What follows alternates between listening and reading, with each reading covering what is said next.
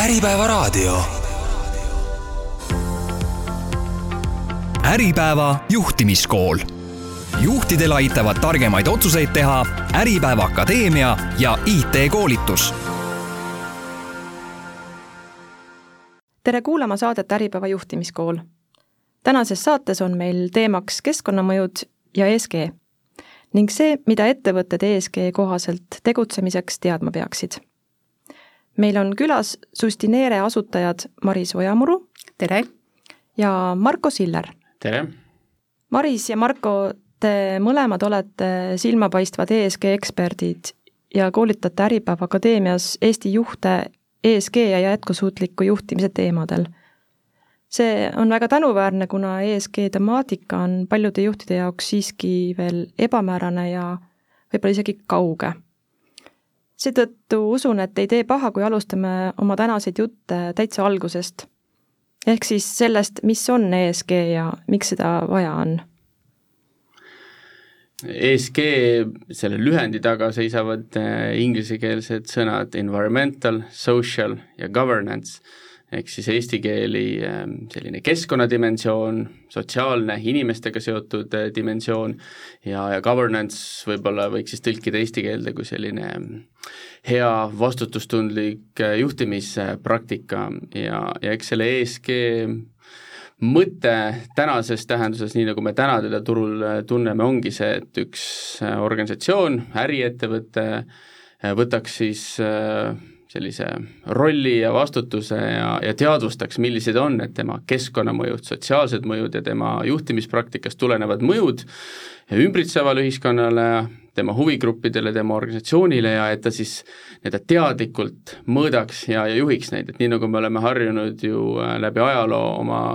finantstulemusi juhtima,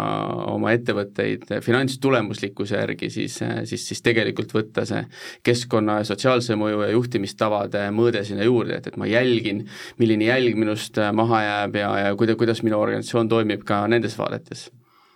jah, ma võib-olla tooks siia juurde, et, et see ESG on nüüd äh, just viimase paari aasta termin, et mida tegelikult äh, võib-olla ettevõtted ja ettevõtjad siin Eestis äh, varem on kuulnud, rohkem räägitakse vastutustundlikust ettevõtlusest, ettevõtte sotsiaalsest vastutusest, jätkusuutlikust ettevõtlusest, et eks need suures plaanis ikkagi pisikeste nüanssidega, aga räägivad ikkagi sellest, mida Marko just mainis, et, et et kuidas ettevõte teadvustab oma mõjusid, kuidas ta siis negatiivseid mõjusid äh, vähendab ja positiivseid siis suurendab. et see teadlikkus oma mõjudest, nii et me võime jah öelda, et, et kõik need terminid, mida, mida kuuldud on, need on siis jah, praegu tänapäeval kõige rohkem ESG sellise mõjude juhtimise all kajastatud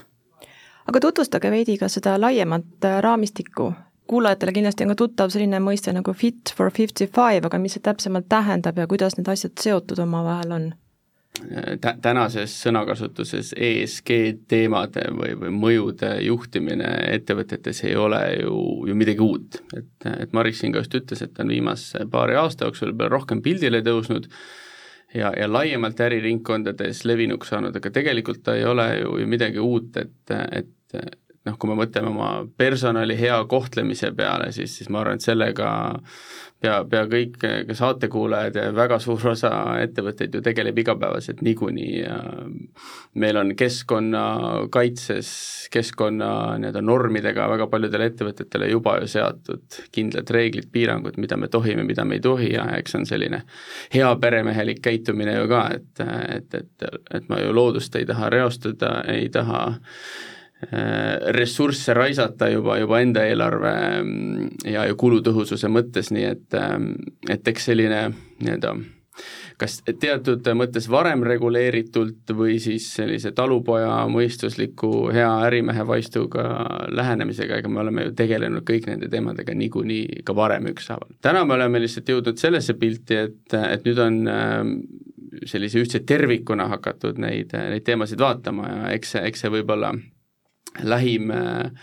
selline nõudlikkus, äh, miks, miks turg, miks turuosalised on hakanud teineteiselt nõudma või, või ootama vähemalt nende teemadega tegelemist, äh, jah, otsesemalt tulebki Euroopa Liidu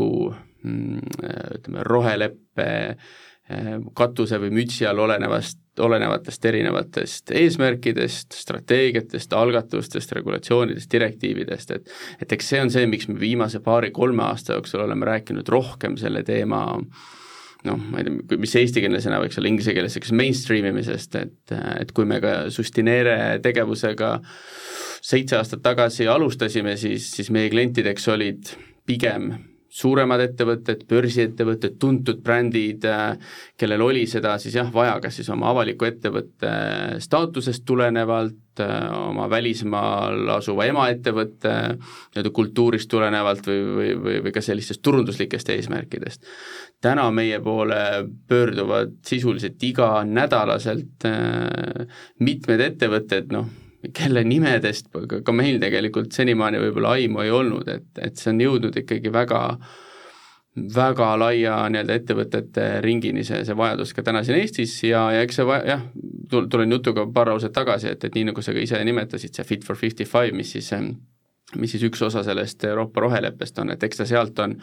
on, on nii-öelda rohkem tulema hakanud, noh omakorda, miks me selle ro-, roheleppe, rohelise kokkuleppe vajaduseni oleme, oleme jõudnud, on muidugi veel ju laiem pilt, et, et meil on ühiskonnas globaalselt väljakutseid, probleeme, nii keskkonnaalaseid, globaalne soojenemine, elurikkuse kadu äh,, ressursside ületarbimine, noh, selline ringmajanduse madal, madal tase, aga ka palju sotsiaalseid äh, probleeme meie äri, äritarneahelates äh,,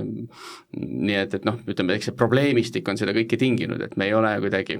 heaga siis justkui hakkama saanud, et, et nüüd on vaja seda kõike reguleerida rohkem ja, ja seetõttu on, on ta, on ta meie ettevõtete eh, nii-öelda töölaudadele täna ka tulnud.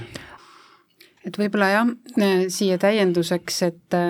et veel natukene sinna, sinna ajaloosse tagasi minna, et, et ega Eestis tegutsevad ettevõtted, on nad siis sellised rahvusvahelised suured börsiettevõtted, peamiselt tegelikult jah, nad, nad ikkagi juba umbes noh, ma rohkem kui kümmekond aastat tagasi tegelikult äh, eelkõige võib-olla tegelesid oma sellise sotsiaalse mõju, mõju äh, võib-olla teemadega, et, et ongi eelkõige sellise töötajate heaolu, töötajate motivatsioonid, läbipaistvad sellised töötasu tasupaketid ja siis sellise sotsiaalse mõju, ehk siis noh, kogu selline heategevus, sponsorlus, et kõik see oli siis tegelikult selline kümmekond aastat tagasi teemaks. Ja, ja, ja ettevõtted siin oligi vastutustundliku ettevõtluse foorum ka nagu juba aastaid tagasi ju tõstatas neid teemasid, aga aga, aga suures pildis võib jah kokku võtta, et see oli aeg, kus, kus see oli niisugune nice to know teema, et ta andiski sulle kas siis brändile midagi juurde või, või, või siis suurendas töötajate sellist kaasatust ja, ja, ja pühendumust, et noh, täna me räägime ikkagi ajastust, kus me oleme jõudnud sellisesse need to know ajastusse, et, et noh, täna ei saaks ilmselt äh, rääkida, et, et me, me, et see teema on kuidagi oluline nüüd ainult suurtele ettevõtetele, mingisuguses staatuses olevatele ettevõtetele, vaid, vaid jah, et, et, et üks asi on jah, selline regulatsioonisurve, aga täna on globaalsel tasandil tekkinud selline ühtne noh, teadlikkus või ühtne kokkulepe, et kui me vaatamegi üks võib-olla enam tunnustatud või tun-, noh, teatud kokkulepe ongi siis sellised ÜRO kestliku arengu eesmärgid, mis siis kaks tuhat viisteist globaalsel tasandil tasandil kokku lepiti, et see kõik, see üldine globaal, globaalne teadlikkus on, on siis suurendanud äh, nagu, nagu üleüldisi kokkuleppeid ja ettevõtete üldist teadlikkust, nii et täna me saamegi rääkida, et et oled sa siis äh,, oled sa siis mõne suure ettevõtte sellises tarneahelas, oled sa selline väike,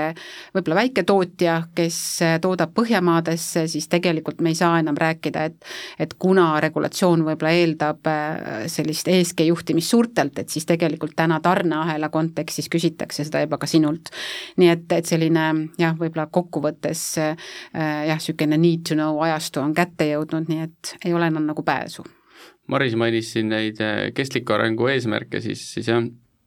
kui see küsimus oli Fit for fifty five'i kohta, mis on siis Euroopa rohelise kokkuleppe selline keskne, keskne eesmärk, et, et me Euroopa Liiduna peame,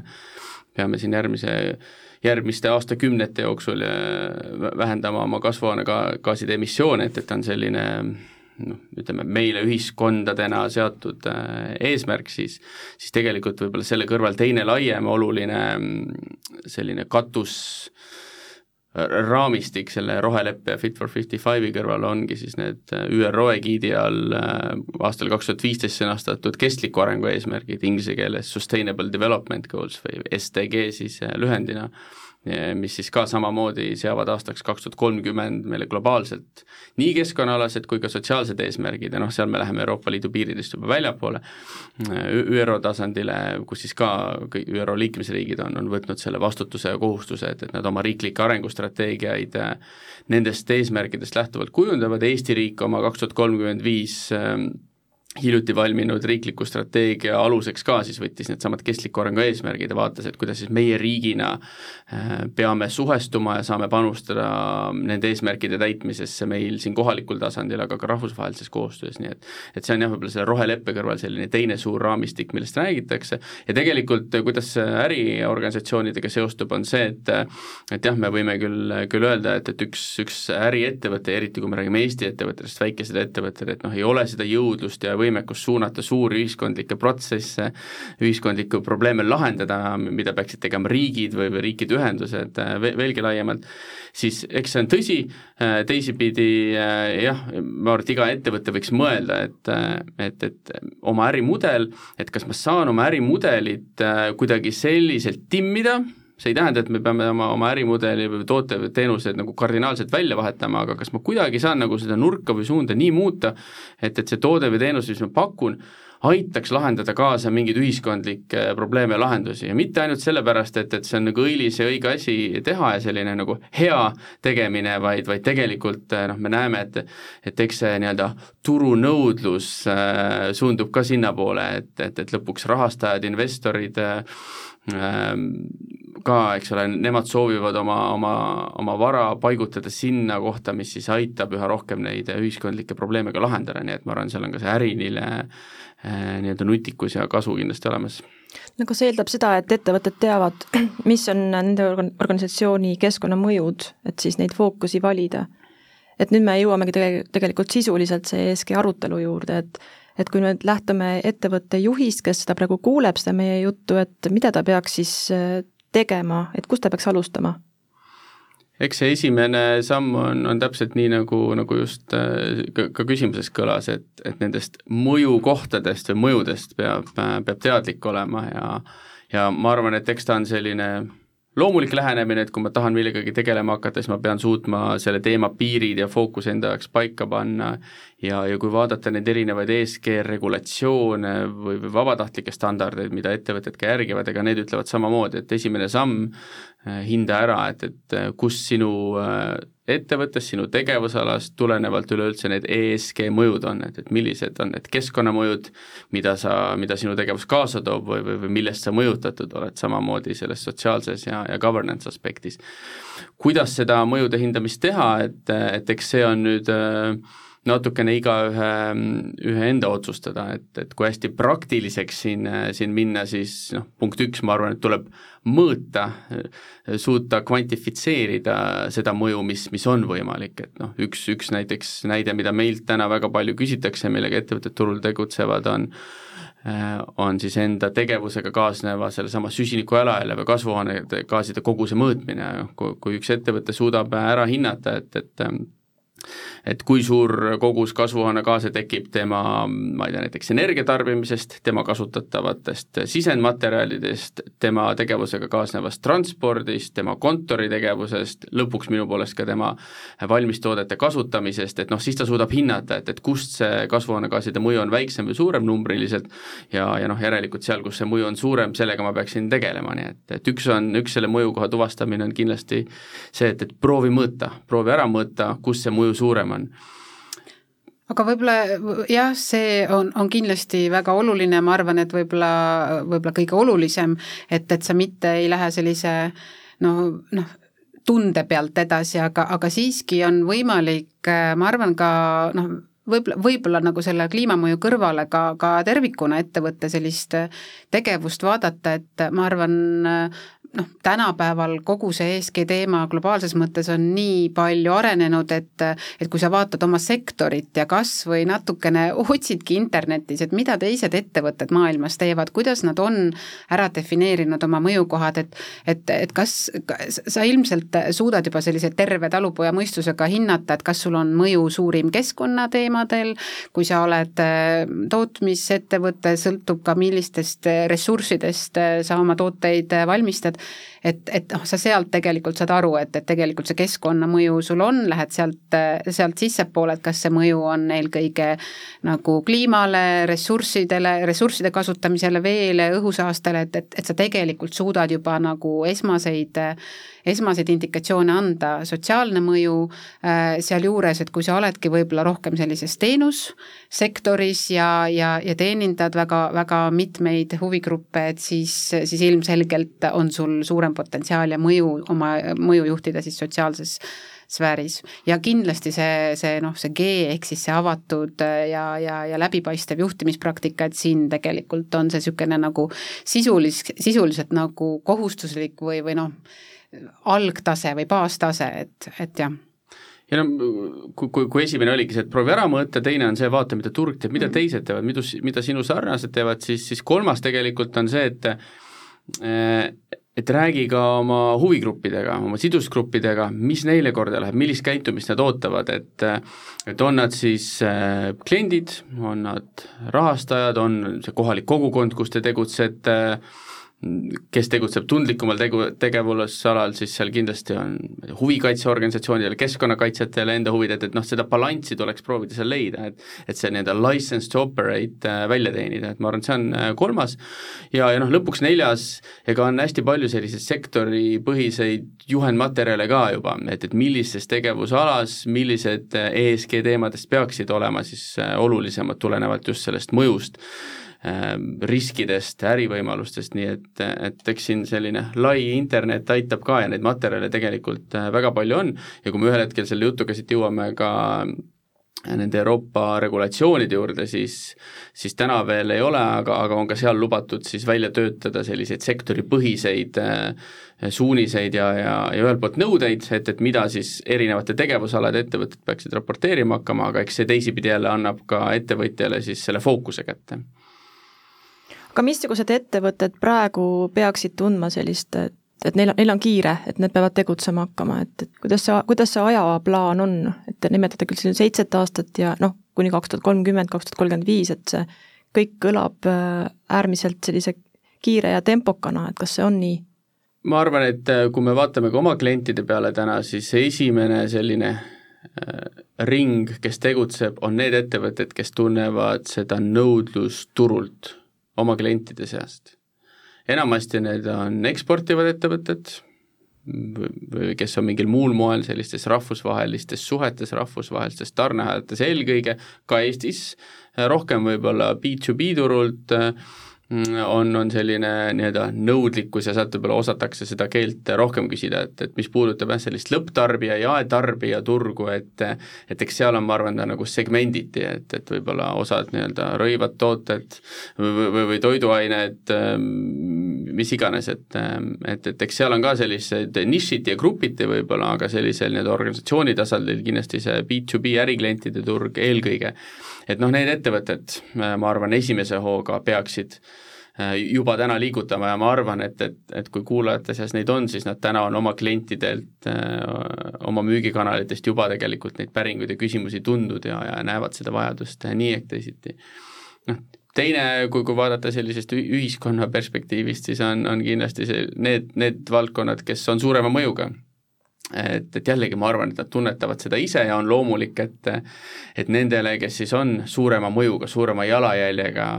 on ta siis keskkonna mõttes või sotsiaalses mõttes, et, et küll, küll seal see nõudlikkus tuleb nii regulatsiooni kui turu poolt ka juba õige kiiresti peale, energeetika, transport, põllumajandus,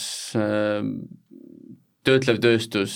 need, need on ilmselt nagu eelkõige, kõige need ettevõtted, kes, kes seda tunnevad, ehituskinnisvara jah, kindlasti veel siia äh, juurde, nii et, et ma arvan, et see ring on nagu eelkõige. tooks juurde siia, noh, võib-olla nad võtab kokku need mõlemad, äh, ma arvan, et sa, Marko, tahtsid ka jõuda nende päris suurte juurde, kellel on, kes on suured ettevõtted ja kelle, kellel see regulatsioonisurve tuleb, et saame sellest eraldi rääkida, aga ma võtaks need kaks gruppi kokku, et äh, ja tegelikult võib-olla see puudutab üldse laiemalt seda vastust, et noh, kõik tegelikult, kes näevad oma tegemist ja, ja sellist noh, äri toimetamist ikkagi pikemas plaanis. et, et sa võid olla tegelikult väikeettevõte ja kui sul on vaja ja sa näed, et sul on vaja noh, kas siis äh, rahastust, tahad sa investori juurde minna, panga juurde minna, tahad sa mõne uue tootega turule tulla, näed sa enda nagu turgusid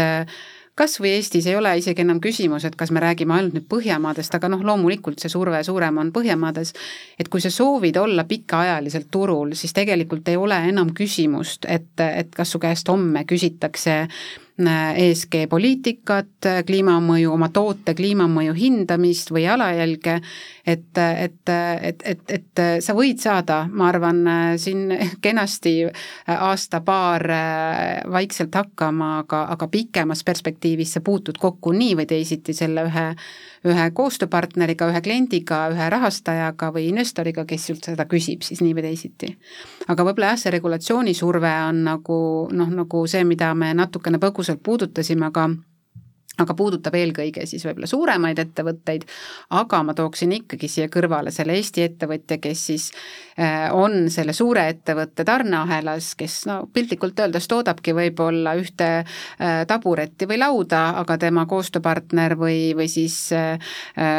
klient on, on Põhjamaade suurettevõte, keda siis selline raporteerimise kohustus hakkab juba lähiaastatel puudutama, siis tema juba peab andma aru oma siis sellele kliendile, et et, et, milline on siis tema selle toote, on see siis taburet või laud, mõju või kliimamõju näiteks. me oleme sellest mm -hmm. raporteerimisest ja raporteerimise nõudest siin palju anonüümselt rääkinud selle mm -hmm. vestluse raames, et, et, et toome ta siis konkreetsemalt lauda ka Euroopa Liidus on, on vastu võetud siis ähm, eesti keeli kõlab ta kestlikkuse aruandluse direktiiv, Corporate Sustainability Reporting Directive ehk CSRD, Inglise keeles äh, see direktiiv on jõustunud, vastu võetud, liikmesriigid, Eesti sealhulgas, äh, viib seda praegusel hetkel oma kohalikku seadusandlusesse sisse. Ja, ja selle direktiivi raames on äh, loomisel konkreetsed standardid raporteerimiseks, et milliseid tulemusindikaatoreid, nii kvantitatiivseid kui ka kvalitatiivseid, siis ettevõtted raporteerima peavad hakkama oma aastaaruannetes, nendest standarditest on mustandid olemas juunikuus sellel aastal, kaks tuhat kakskümmend kolm, on lubatud, et, et tulevad ka need lõppversioonid välja, vaatame, seni on, on äh, nii-öelda Euroopa poolt äh, kogu aeg need tähtajad edasi lükkunud, noh, siin tundub, et, et võib samamoodi minna, et, et natukene lükkub see edasi, aga väga palju siin ka edasilükkamise aega enam ei ole, et, et see direktiivi kohustus juba tuleb peale. aga jah, see direktiiv raporteerida oma aastaaruandes ESG näitajad nende Euroopa jätkusuutlikkuse standardite kohaselt äh, samm-sammult siis erinevatele ettevõtetele kohustuseks saab, kõige esimesena esimesena peavad seda tegema hakkama suured üle viiesaja töötajaga börsiettevõtted, avalikult äh, nii-öelda noteeritud ettevõtted, aastal kaks tuhat kakskümmend viis peavad nemad siis avalikustama oma kaks tuhat kakskümmend neli aasta aruandes vastava info, aasta hiljem, ehk siis kahe tuhande kuuen-, kahekümne kuuendal aastal äh, kaks tuhat kakskümmend viis kohta peavad äh, kõik ettevõtted, vahet pole, kas nad on börsil või, või, või muus omanduses, eraomanduses, äh, riigi omanduses, kellel on üle kahesaja viiekümne töötaja,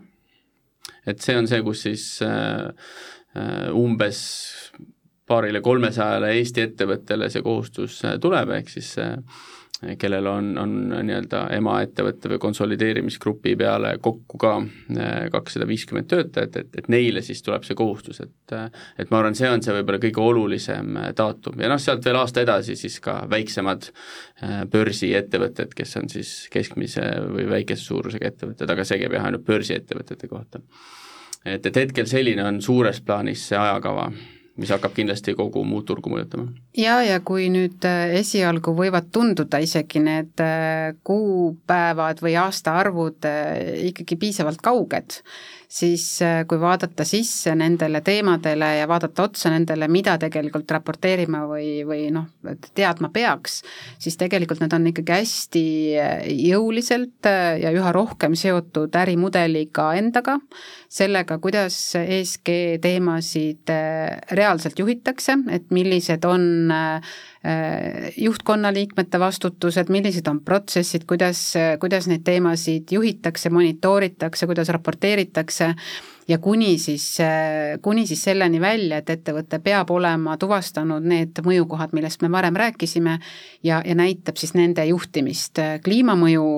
kui, kui selline eraldi teema saab siis olema äh, Äh, kohustuslik kõikidele, aga, aga need teemad siis, mis on siis äh, nagu sellised fookusteemad või, või olulise tähtsusega, need siis saavad olema no, ettevõtete põhised, aga, aga, aga mõned üldised siis, mis, mis siis on olulised kõikidele, nii et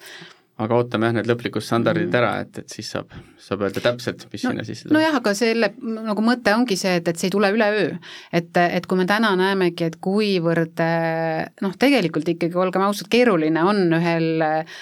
ettevõttel oma kas siis toote või organisatsiooni kliimamõju hinnata, siis, siis me jõuame selleni, et tegelikult andmete kättesaamine ettevõtte enda sees võib olla keeruline, sa pead teadma tegelikult omaenda, enda selliseid tarbimise andmeid, aga tegelikult minema ka nende küsimustega oma, omaenda võib-olla tootmise hoonest välja, nii et selleks, et luua selline süsteem, kas siis, kas siis oma kliimamõju mõõtmiseks või üldselt raporteerimiseks, sul peab olema nagu äh, aru, alusta varakult, samm-sammult ja jõuad õigeks ajaks äh, valmis, aga, aga, aga mõistlik oleks juba, juba täna tegelikult nende teemade peale mõelda ettevõtjatel on mure, et, et äh, raporteerimiskohustusega kaasneb äh, halduskoormust ja bürokraatiat, et äh, kas see on selline ühekordne või see tegelikult tähendabki püsivat äh, lisabürokraatiat?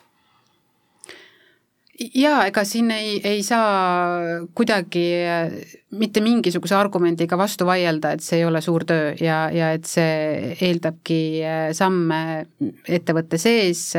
ilmselt võib-olla väljapoolt natukene toe ostmist selleks, et oleks lihtsam ka endal ja kiirem, kiirem edasi liikuda, aga, aga noh, nagu me siin ennem alguses rääkisime, et paratamatult me tegelikult oleme lihtsalt sellises äh, olukorras globaalses mõttes, kus meil on vaja ühiselt pingutada, et siit, siit välja, välja astuda, et ma olen täiesti selgelt veendunud selles, et, et tegelikult seda räägivad ka meie kliendid, et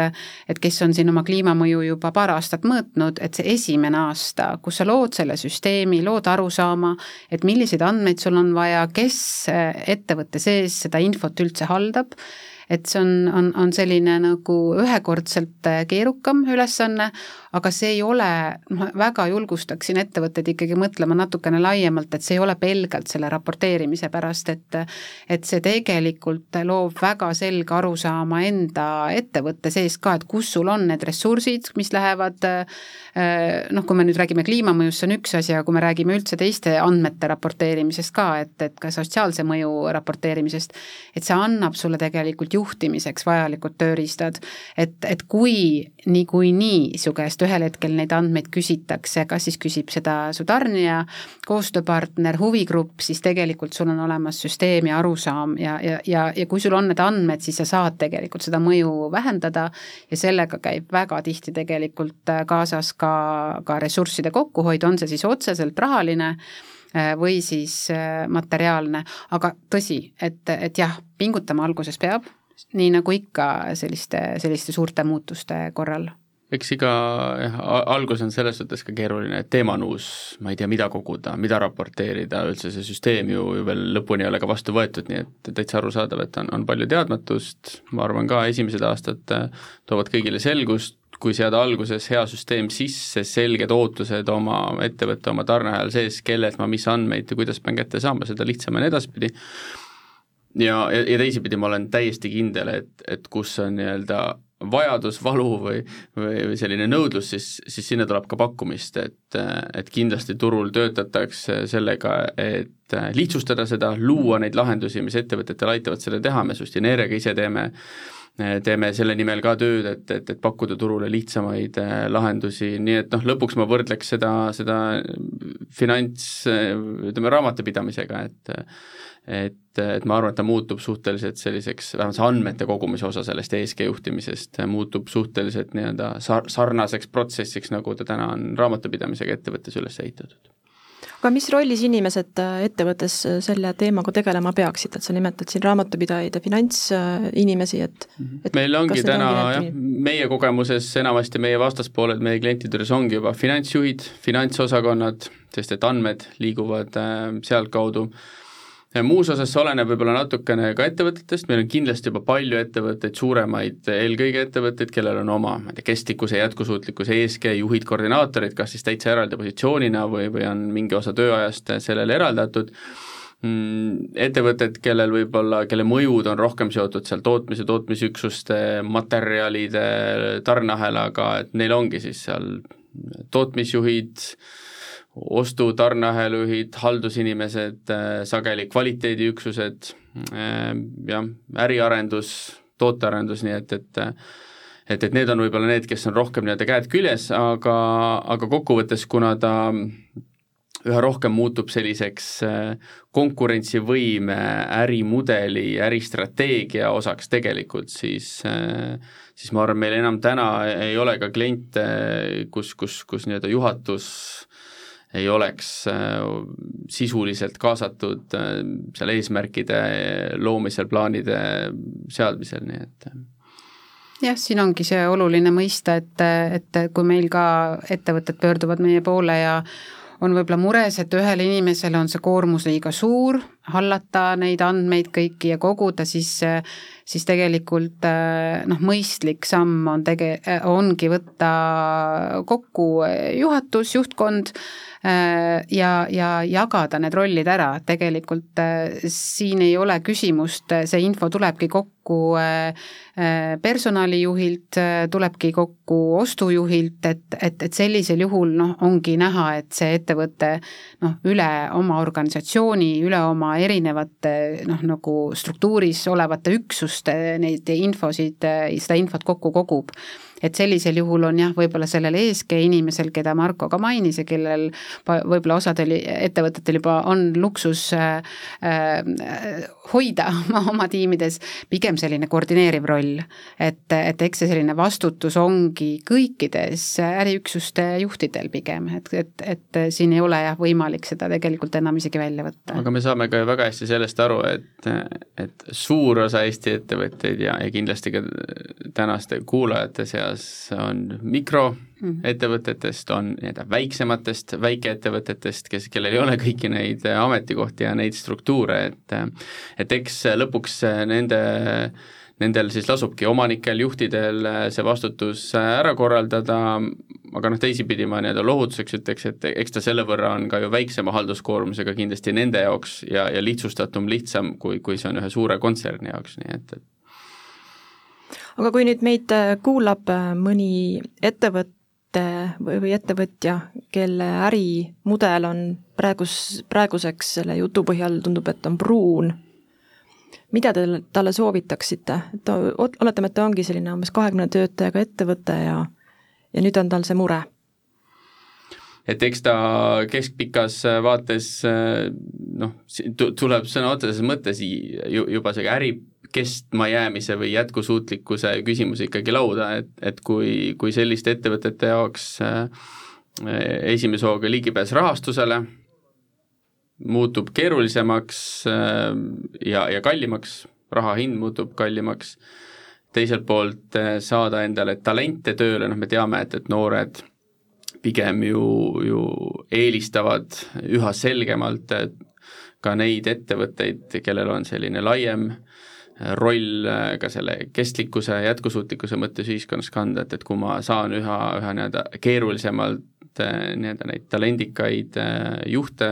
töötajaid enda ettevõttesse, et eks see kõik nagu sammhaaval konkurentsivõimet, turul püsimise võimekust hakkab hakkab mõjutama ja noh, ma arvan, et, et siin ühe omaniku ärivaist peaks ütlema, et, et, et, et äkki oma, oma ressurssi ei tasu selles äris pikalt hoida, mis, mis ikkagi keskpikas perspektiivis siin muutub keeruliseks ja, ja ja ühel hetkel kuidagi lo-, loomulikku surma sureb, et, et eks tuleb oma ressurss, oma energia siis äh, suunata kuhugile mujale, vaadata, kus ma oma valdkonnaga seotult, oma kompetentsidega seoses saan, saan seda väärtust siis noh, kuidas me ütleme siis, rohelisemalt luua või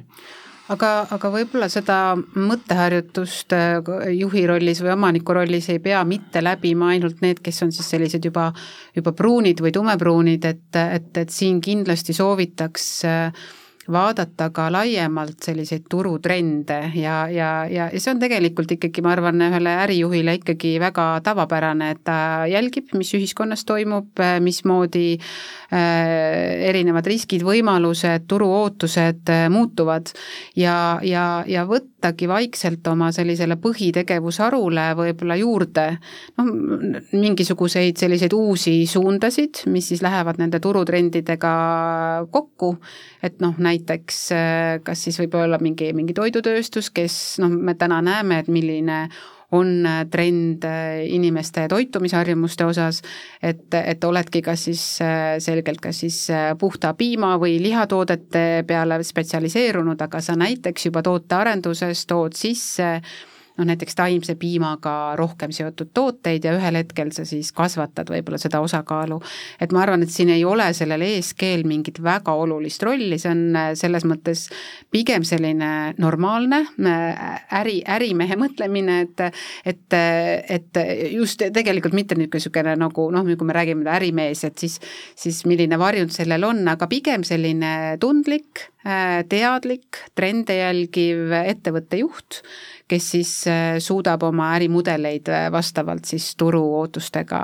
ootustele siis kohandada. selle keskkonnamõju mõttes selline lakmuspaber, millega siis testida, et kas ma olen see pruun või mitte, et olen turukõlbulik või, või ei ole, on on üks siis äh, regulatsioon ka selle roheleppe all, on, on taksonoomia määrus, jätkusuutlikkuse selline taksonoomia määrus, Äh, mis siis kirjeldab ära erinevatele äritegevusaladele, et, et millistele mõõdetavatele või faktilistele parameetritele, kriteeriumitele vastavalt siis mingis kindlas tegevusvaldkonnas tegutsev ettevõte millele ta siis peab vastama, et üle millise lati hüppama, et ta oleks siis Euroopa Liidu silmis roheline, keskkonnahoidlik ja, ja see mittepruun, et et eks sealt võib-olla saab need esimesed vastused kätte, noh muidugi tõe huvides kogu see dokumentatsioon on, on hirmkeeruline, et, et sellest nüanssideni üksi läbi närida, aga, aga jällegi hästi praktiline, guugeldades leiab kindlasti kirjalikku videomaterjali, koolitusi, mis, mis teevad selle selgeks, nii et. Roheleppes on selline mõiste nagu, et kedagi ei jäeta maha, kuidas te seda kommenteerite? Eks see noh, ma arvan, et Eestis on see võib-olla üks ilmselgemaid näiteid meil Ida-Virumaa, et, et, et kui me ütleme, et, et, et meil seal on seda nii-öelda pruuni äri ja mis sellesama taksonoomiaga, mida ma just mainisin, hästi kokku ei lähe ja, ja on vaja siis seal selline rohepööre, nagu kasutatakse, või rohelaine, nagu, nagu me siin võib-olla viimasel ajal rohkem arvestame kasutada, et, et on vaja see läbi viia justkui ja, ja muuta siis, siis sealne nii-öelda äritegevus, ettevõtluskeskkond, majandustegevus keskkonnahoidlikumaks, siis siis äh, eks seal on oht, et, et see, see tuleb kellegi või, või millegi hinnaga, et noh, seal me räägime konkreetselt siis töökohtadest, inimese toimetulekust ja nii edasi, nii et et noh, seal ta on võib-olla meile kõige selgemalt nähtav, et, et, et see ei tuleks siis inimeste heaolu arvelt, ei tuleks äh, sotsiaalse heaolu arvelt. aga samamoodi, kui me vaatame mis iganes sellist tehnoloogia, rohetehnoloogia arendamist näiteks, et eks seal tarneahelas äh, töötab ka inimesi ja, ja, ja võib-olla see ei lähe täpselt kokku selle, et kedagi ei jäeta maha, terminiga, aga eks ole, teine, teine termin on ka see, et, et oleks siis tagatud selline sotsiaalne õiglus või sotsiaalne kaitse nendes äritegevustes ja, ja tarneahelates, et, et kui me tegeleme selle rohetehnoloogia arendamisega näiteks, siis, siis need inimesed, kes seal üle maailma nendes globaalsetes tarneahelates ka töötavad, kas meil siin kohapeal või kusagil mujal, et et siis selline kaasatus, õiglane kohtlemine, tööohutus, inimõigused, kõik see oleks ka tagatud, nii et võib-olla nagu kaks poolt sellel mõttel. Et, et ilmselt siin on oluline võib-olla selle, selle, selle kõrval nagu märg-, märgata neid võimalusi, et, et, et me, et, et kogu see ESG teema ei jääks selliseks et on, on, on suured regulatsioonid ja turg nõuab ja, ja nüüd peab midagi väga tegema, et see on pigem tegelikult äh, teadlikkus sellest, mis toimub äh, Äh, maailmas selle, selle, sellega ennast kurssi viimine ja sealt tegelikult võimaluste otsimine, et et ma arvan, et ei, keegi meist siin ei, ei otseselt ei levita seda sõnumit, et et me peaksime nüüd kõik kuskile puu alla elama minema ja, ja, ja loobuma kõigest, et sealhulgas oma, oma töökohtadest ja, ja sellisest toimetuleku piiridest ja, ja hüvedest ja võimalustest, et et pigem vaadata kaasa, et millised on võimalused selle muutunud olukorraga hakkama saada, siin on väga palju uudseid ärimudeleid, alates sellest, et kas me peame kõiki kõiki asju omama, võib-olla me võiksime mingisuguseid tooteid äh, kuidagi hoopis rentida või teenusena kasutada, et tegelikult sellel samal vanat moodi mõtlemisel on, on võib-olla piir peal ja peaksime mõtlema lihtsalt äh, nagu natukene uutmoodi. Ja, ja, ja see on väga selgelt selline noh, uus võimalus, uus kasv, uued töökohad. Eh, kindlasti loob väljakutse natukene rohkem õppida, olla, olla turu ja arengutega kursis, aga, aga see pigem võib tuua palju uusi võimalusi ja innovatsiooni ja noh, kindlasti see, et, et kedagi ei jäeta maha, oht on, on ka selles, et, et, et seal, kus on, sinna tuleb juurde, need, kes on edukad ja jõukad, need saavad veel edukamaks ja jõukamaks, maa-linna vahel äh, suureneb see vahe veel, et, et, et, et ligipääs tehnoloogiatele, rahastusele, noh näiteks, eks ole, linnades tegutsevatel ettevõtetel parem kui, kui maapiirkondades ja see lõhe võib seetõttu veel suureneda, et, et eks siin on erinevatel osapooltel roll, noh me näiteks ise oleme viimasel ajal suhelnud siin Eesti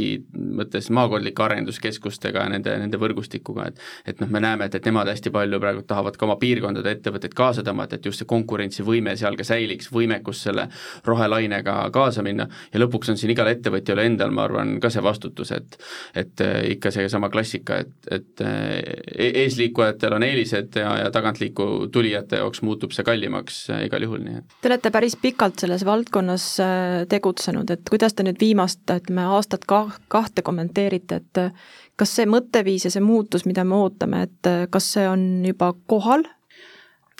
sõltub jah, kuidas seda hinnata, et, ähm, et kui me, kui me näeme lihtsalt puhtpraktiliselt sellest, et, et mis toimub äh, ühiskonnas, meediapildis ja, ja mis toimub äh, ettevõtete seas, siis võib-olla see jah, see kasv hästi jõuliselt on toimunud viimase paari-kolme aasta jooksul eelkõige ongi ettevõtete selline teadlikkus ja selline surve tuleb just sealt kliima- ja keskkonnaküsimuste pealt laiemalt isegi, et, et aga ma arvan, et noh, kui võrrelda ennast võib-olla ikkagi noh, siin võib-olla arenenumad on siin nagu Põhjamaad, et, et siis me tegelikult oleme ikkagi selle teekonna alguses ja ja, ja, ja ma noh, siinkohal ikkagi tahaks julgustada ettevõtteid, et ja, ja, ja tundma ennast hästi, kui te oletegi selle teekonna alguses, et see on tegelikult äh, selline noh, protsess ühe ettevõtte sees, et, et, et kõigepealt toimubki selline lahti nagu mõtestamine, ehk siis, et miks, mida, mida teised teevad, et kus see minu mõju on ja, ja, ja mis see mulle annab, et sealt edasi juba ettevõte on teinud selle otsuse teadlikult äh, ESG teemadega edasi liikuma hakata ja, ja, ja hakkab juba, juba mõõtma, hakkab juba teadlikult äh, võib-olla eesmärke seadma oma mõjudele ja, ja võib-olla viimane faas seal, äh, mis on siis kõige, kõige suurem ja laiem, ongi siis see, et hakkabki siis muutusi ellu viima, hakkab juba, juba, juba strateegiaid ümber kohandama, oma ärimudelit ümber kohandama, et kui, kui võib-olla need kolm tsüklit, see mõtesta, mõõda ja muuda, tsüklit lahti võtta, siis me tegelikult näeme, et ikkagi enamus ettevõtteid on seal äh, lahti mõtestamise faasis, aga ma arvan, et see on küll väga palju muutunud, et, et üha rohkem on neid seal, et et, et võib-olla seal strateegilise muutuse faasis on, on ikkagi pigem, pigem ikkagi vähe ja üksikud ettevõtted, et ja see ongi noh, teekond, nagu ma ütlesin, et, et mõned liiguvad sinna kiiremini ja, ja mõned nagu aeglasemini, aga mina vaataksin seda valmisolekut kolmel tasandil, üks on see arusaam ja valmisolek ärilisest vaatest, et, et kas mul konkurentsivõime turu mõttes on seda vaja, ma arvan, et siin on väga suurele osale otsesemalt või kaudsemalt juba kohale jõudnud, ma arvan, et siin, siin on see päris selge. teine küsimus on see, et või teine tasand, et, et kas saadakse ka aru äh, sellest probleemistikust, miks meil seda kõike vaja on, keskkonna sotsiaalsete probleemide mõttes, ma arvan, et siin on ühiskond nii kirju, nagu me enda ümber näeme, kes äh, usub sellesse ja saab sellest äh, probleemistikust rohkem aru, kes, kes pigem tahab seda eitada, et, et siin noh, kindlasti läheme ka edasi, ma arvan, et äh, nooremad generatsioonid on, on, on selles teemas küpsemad ja, ja, ja toimub ühiskonna küpsemine läbi selle. Ja, ja kolmas tasand on see kuidas, et kuidas ma seda teen. Ja ma arvan, et siin on hästi palju segadust, väikestel eriti, aga ka tegelikult suurtel. Ja lõppkokkuvõttes arvestades, kui suure äh, sellise muudatuse, sellise mõtteviisi ja loogika muutusega me tegelikult hetkel ikkagi tegeleme, siis ma arvan, see on täitsa normaalne, et, et me sellises üleminekufaasis ongi palju seal segadust, et anname, anname aega. Te veate Äripäeva Akadeemias koolitust ESG ja jätkusuutlikkuse teadlik juhtimine ettevõttes. kellele seda koolitust vaja on? jah, nüüd võib siin äh, viidata võib-olla siin äh, paar minutit tagasi olnudki küsimusele, et, et ähm, et ma võtaks laialt kokku ikkagi ettevõttele, kes äh, näeb, et ta tahab tegutseda oma tegevusega edasi pikemas perspektiivis, võib-olla isegi sellises keskpikas perspektiivis, see, kes täna äh, Äh, toodab äh, või pakub oma teenuseid ähm, eelkõige võib-olla välisturgudele, see, kes täna plaanib äh, innovatsiooni mingit hüpet teha, see, kes plaanib laieneda ja, ja küsida ja kaasata selleks siis kas investoritelt või finantsasutustelt raha, see, kes tahab olla atraktiivne tööandja äh, talentidele ja, ja, ja, ja jah, kui me räägime nüüd sellest, et ka kui teadlik ta on, ma arvan, et ta võikski olla ka väga vabalt äh, ettevõte, kes täna vastab nendele kriteeriumitele, mida me ennem siin lugesime, aga ta täna, täna ei tea väga palju, et, et kuidas, millest alustada, mida ma siis esimesena nagu tegema peaks, et et, et, et see koolitus annab ilmselgelt äh, arusaama äh, sellest, et et mis, mis need teemad on, noh sellest me rääkisime siin täna ka, et võib ju öelda, et, et kuulan selle, selle saate ära ja olen, olen teadlikum, aga me läheme ikkagi väga praktiliselt sisse, sest et, et kui me niimoodi kuulame, siis ikkagi keskmise ettevõtte jaoks see tundub ikkagi selline laialivalguv, kõikehõlmav, et mida ettevõte E-teemal, S-teemal, G-teemal ette võtma peaks ja, ja, ja, ja kuidas defineerime ära oma sellised põhilised mõjukohad ja, ja tegelikult me jõuame koolituse lõpus väga praktilise sellise teekaardini, et, et mis, mis on siis selle ettevõtte põhised sellised järgmised sammud, millega ta tegelema peab ja kõikidel ei pruugi need sammud üldse olla nagu üks ja sama, nii et. kellel tekkis nüüd sellest äh, jutust tunne, et oleks äh, vaja koolitusele minna, kõike lähemalt äh, näha ja kuulda, siis olete lahkelt oodatud äh, Marko ja Marise Äripäeva Akadeemia koolitusele, mis toimub juunikuus ja info leiate Äripäeva Akadeemia veebilehelt. aitäh teile, saatekülalised, äh, meil oli külas Sustineere asutajad Maris Ojamuru ja Marko Siller. saate teemaks olid keskkonnamõjud ja ESG ning äh, see, mida ettevõtted ESG kohaselt tegutsemiseks teadma peaks. mina olin saatejuht Kertu Metsar kuulake meid Äripäeva raadios kord kuus kolmapäeviti kell viisteist null null.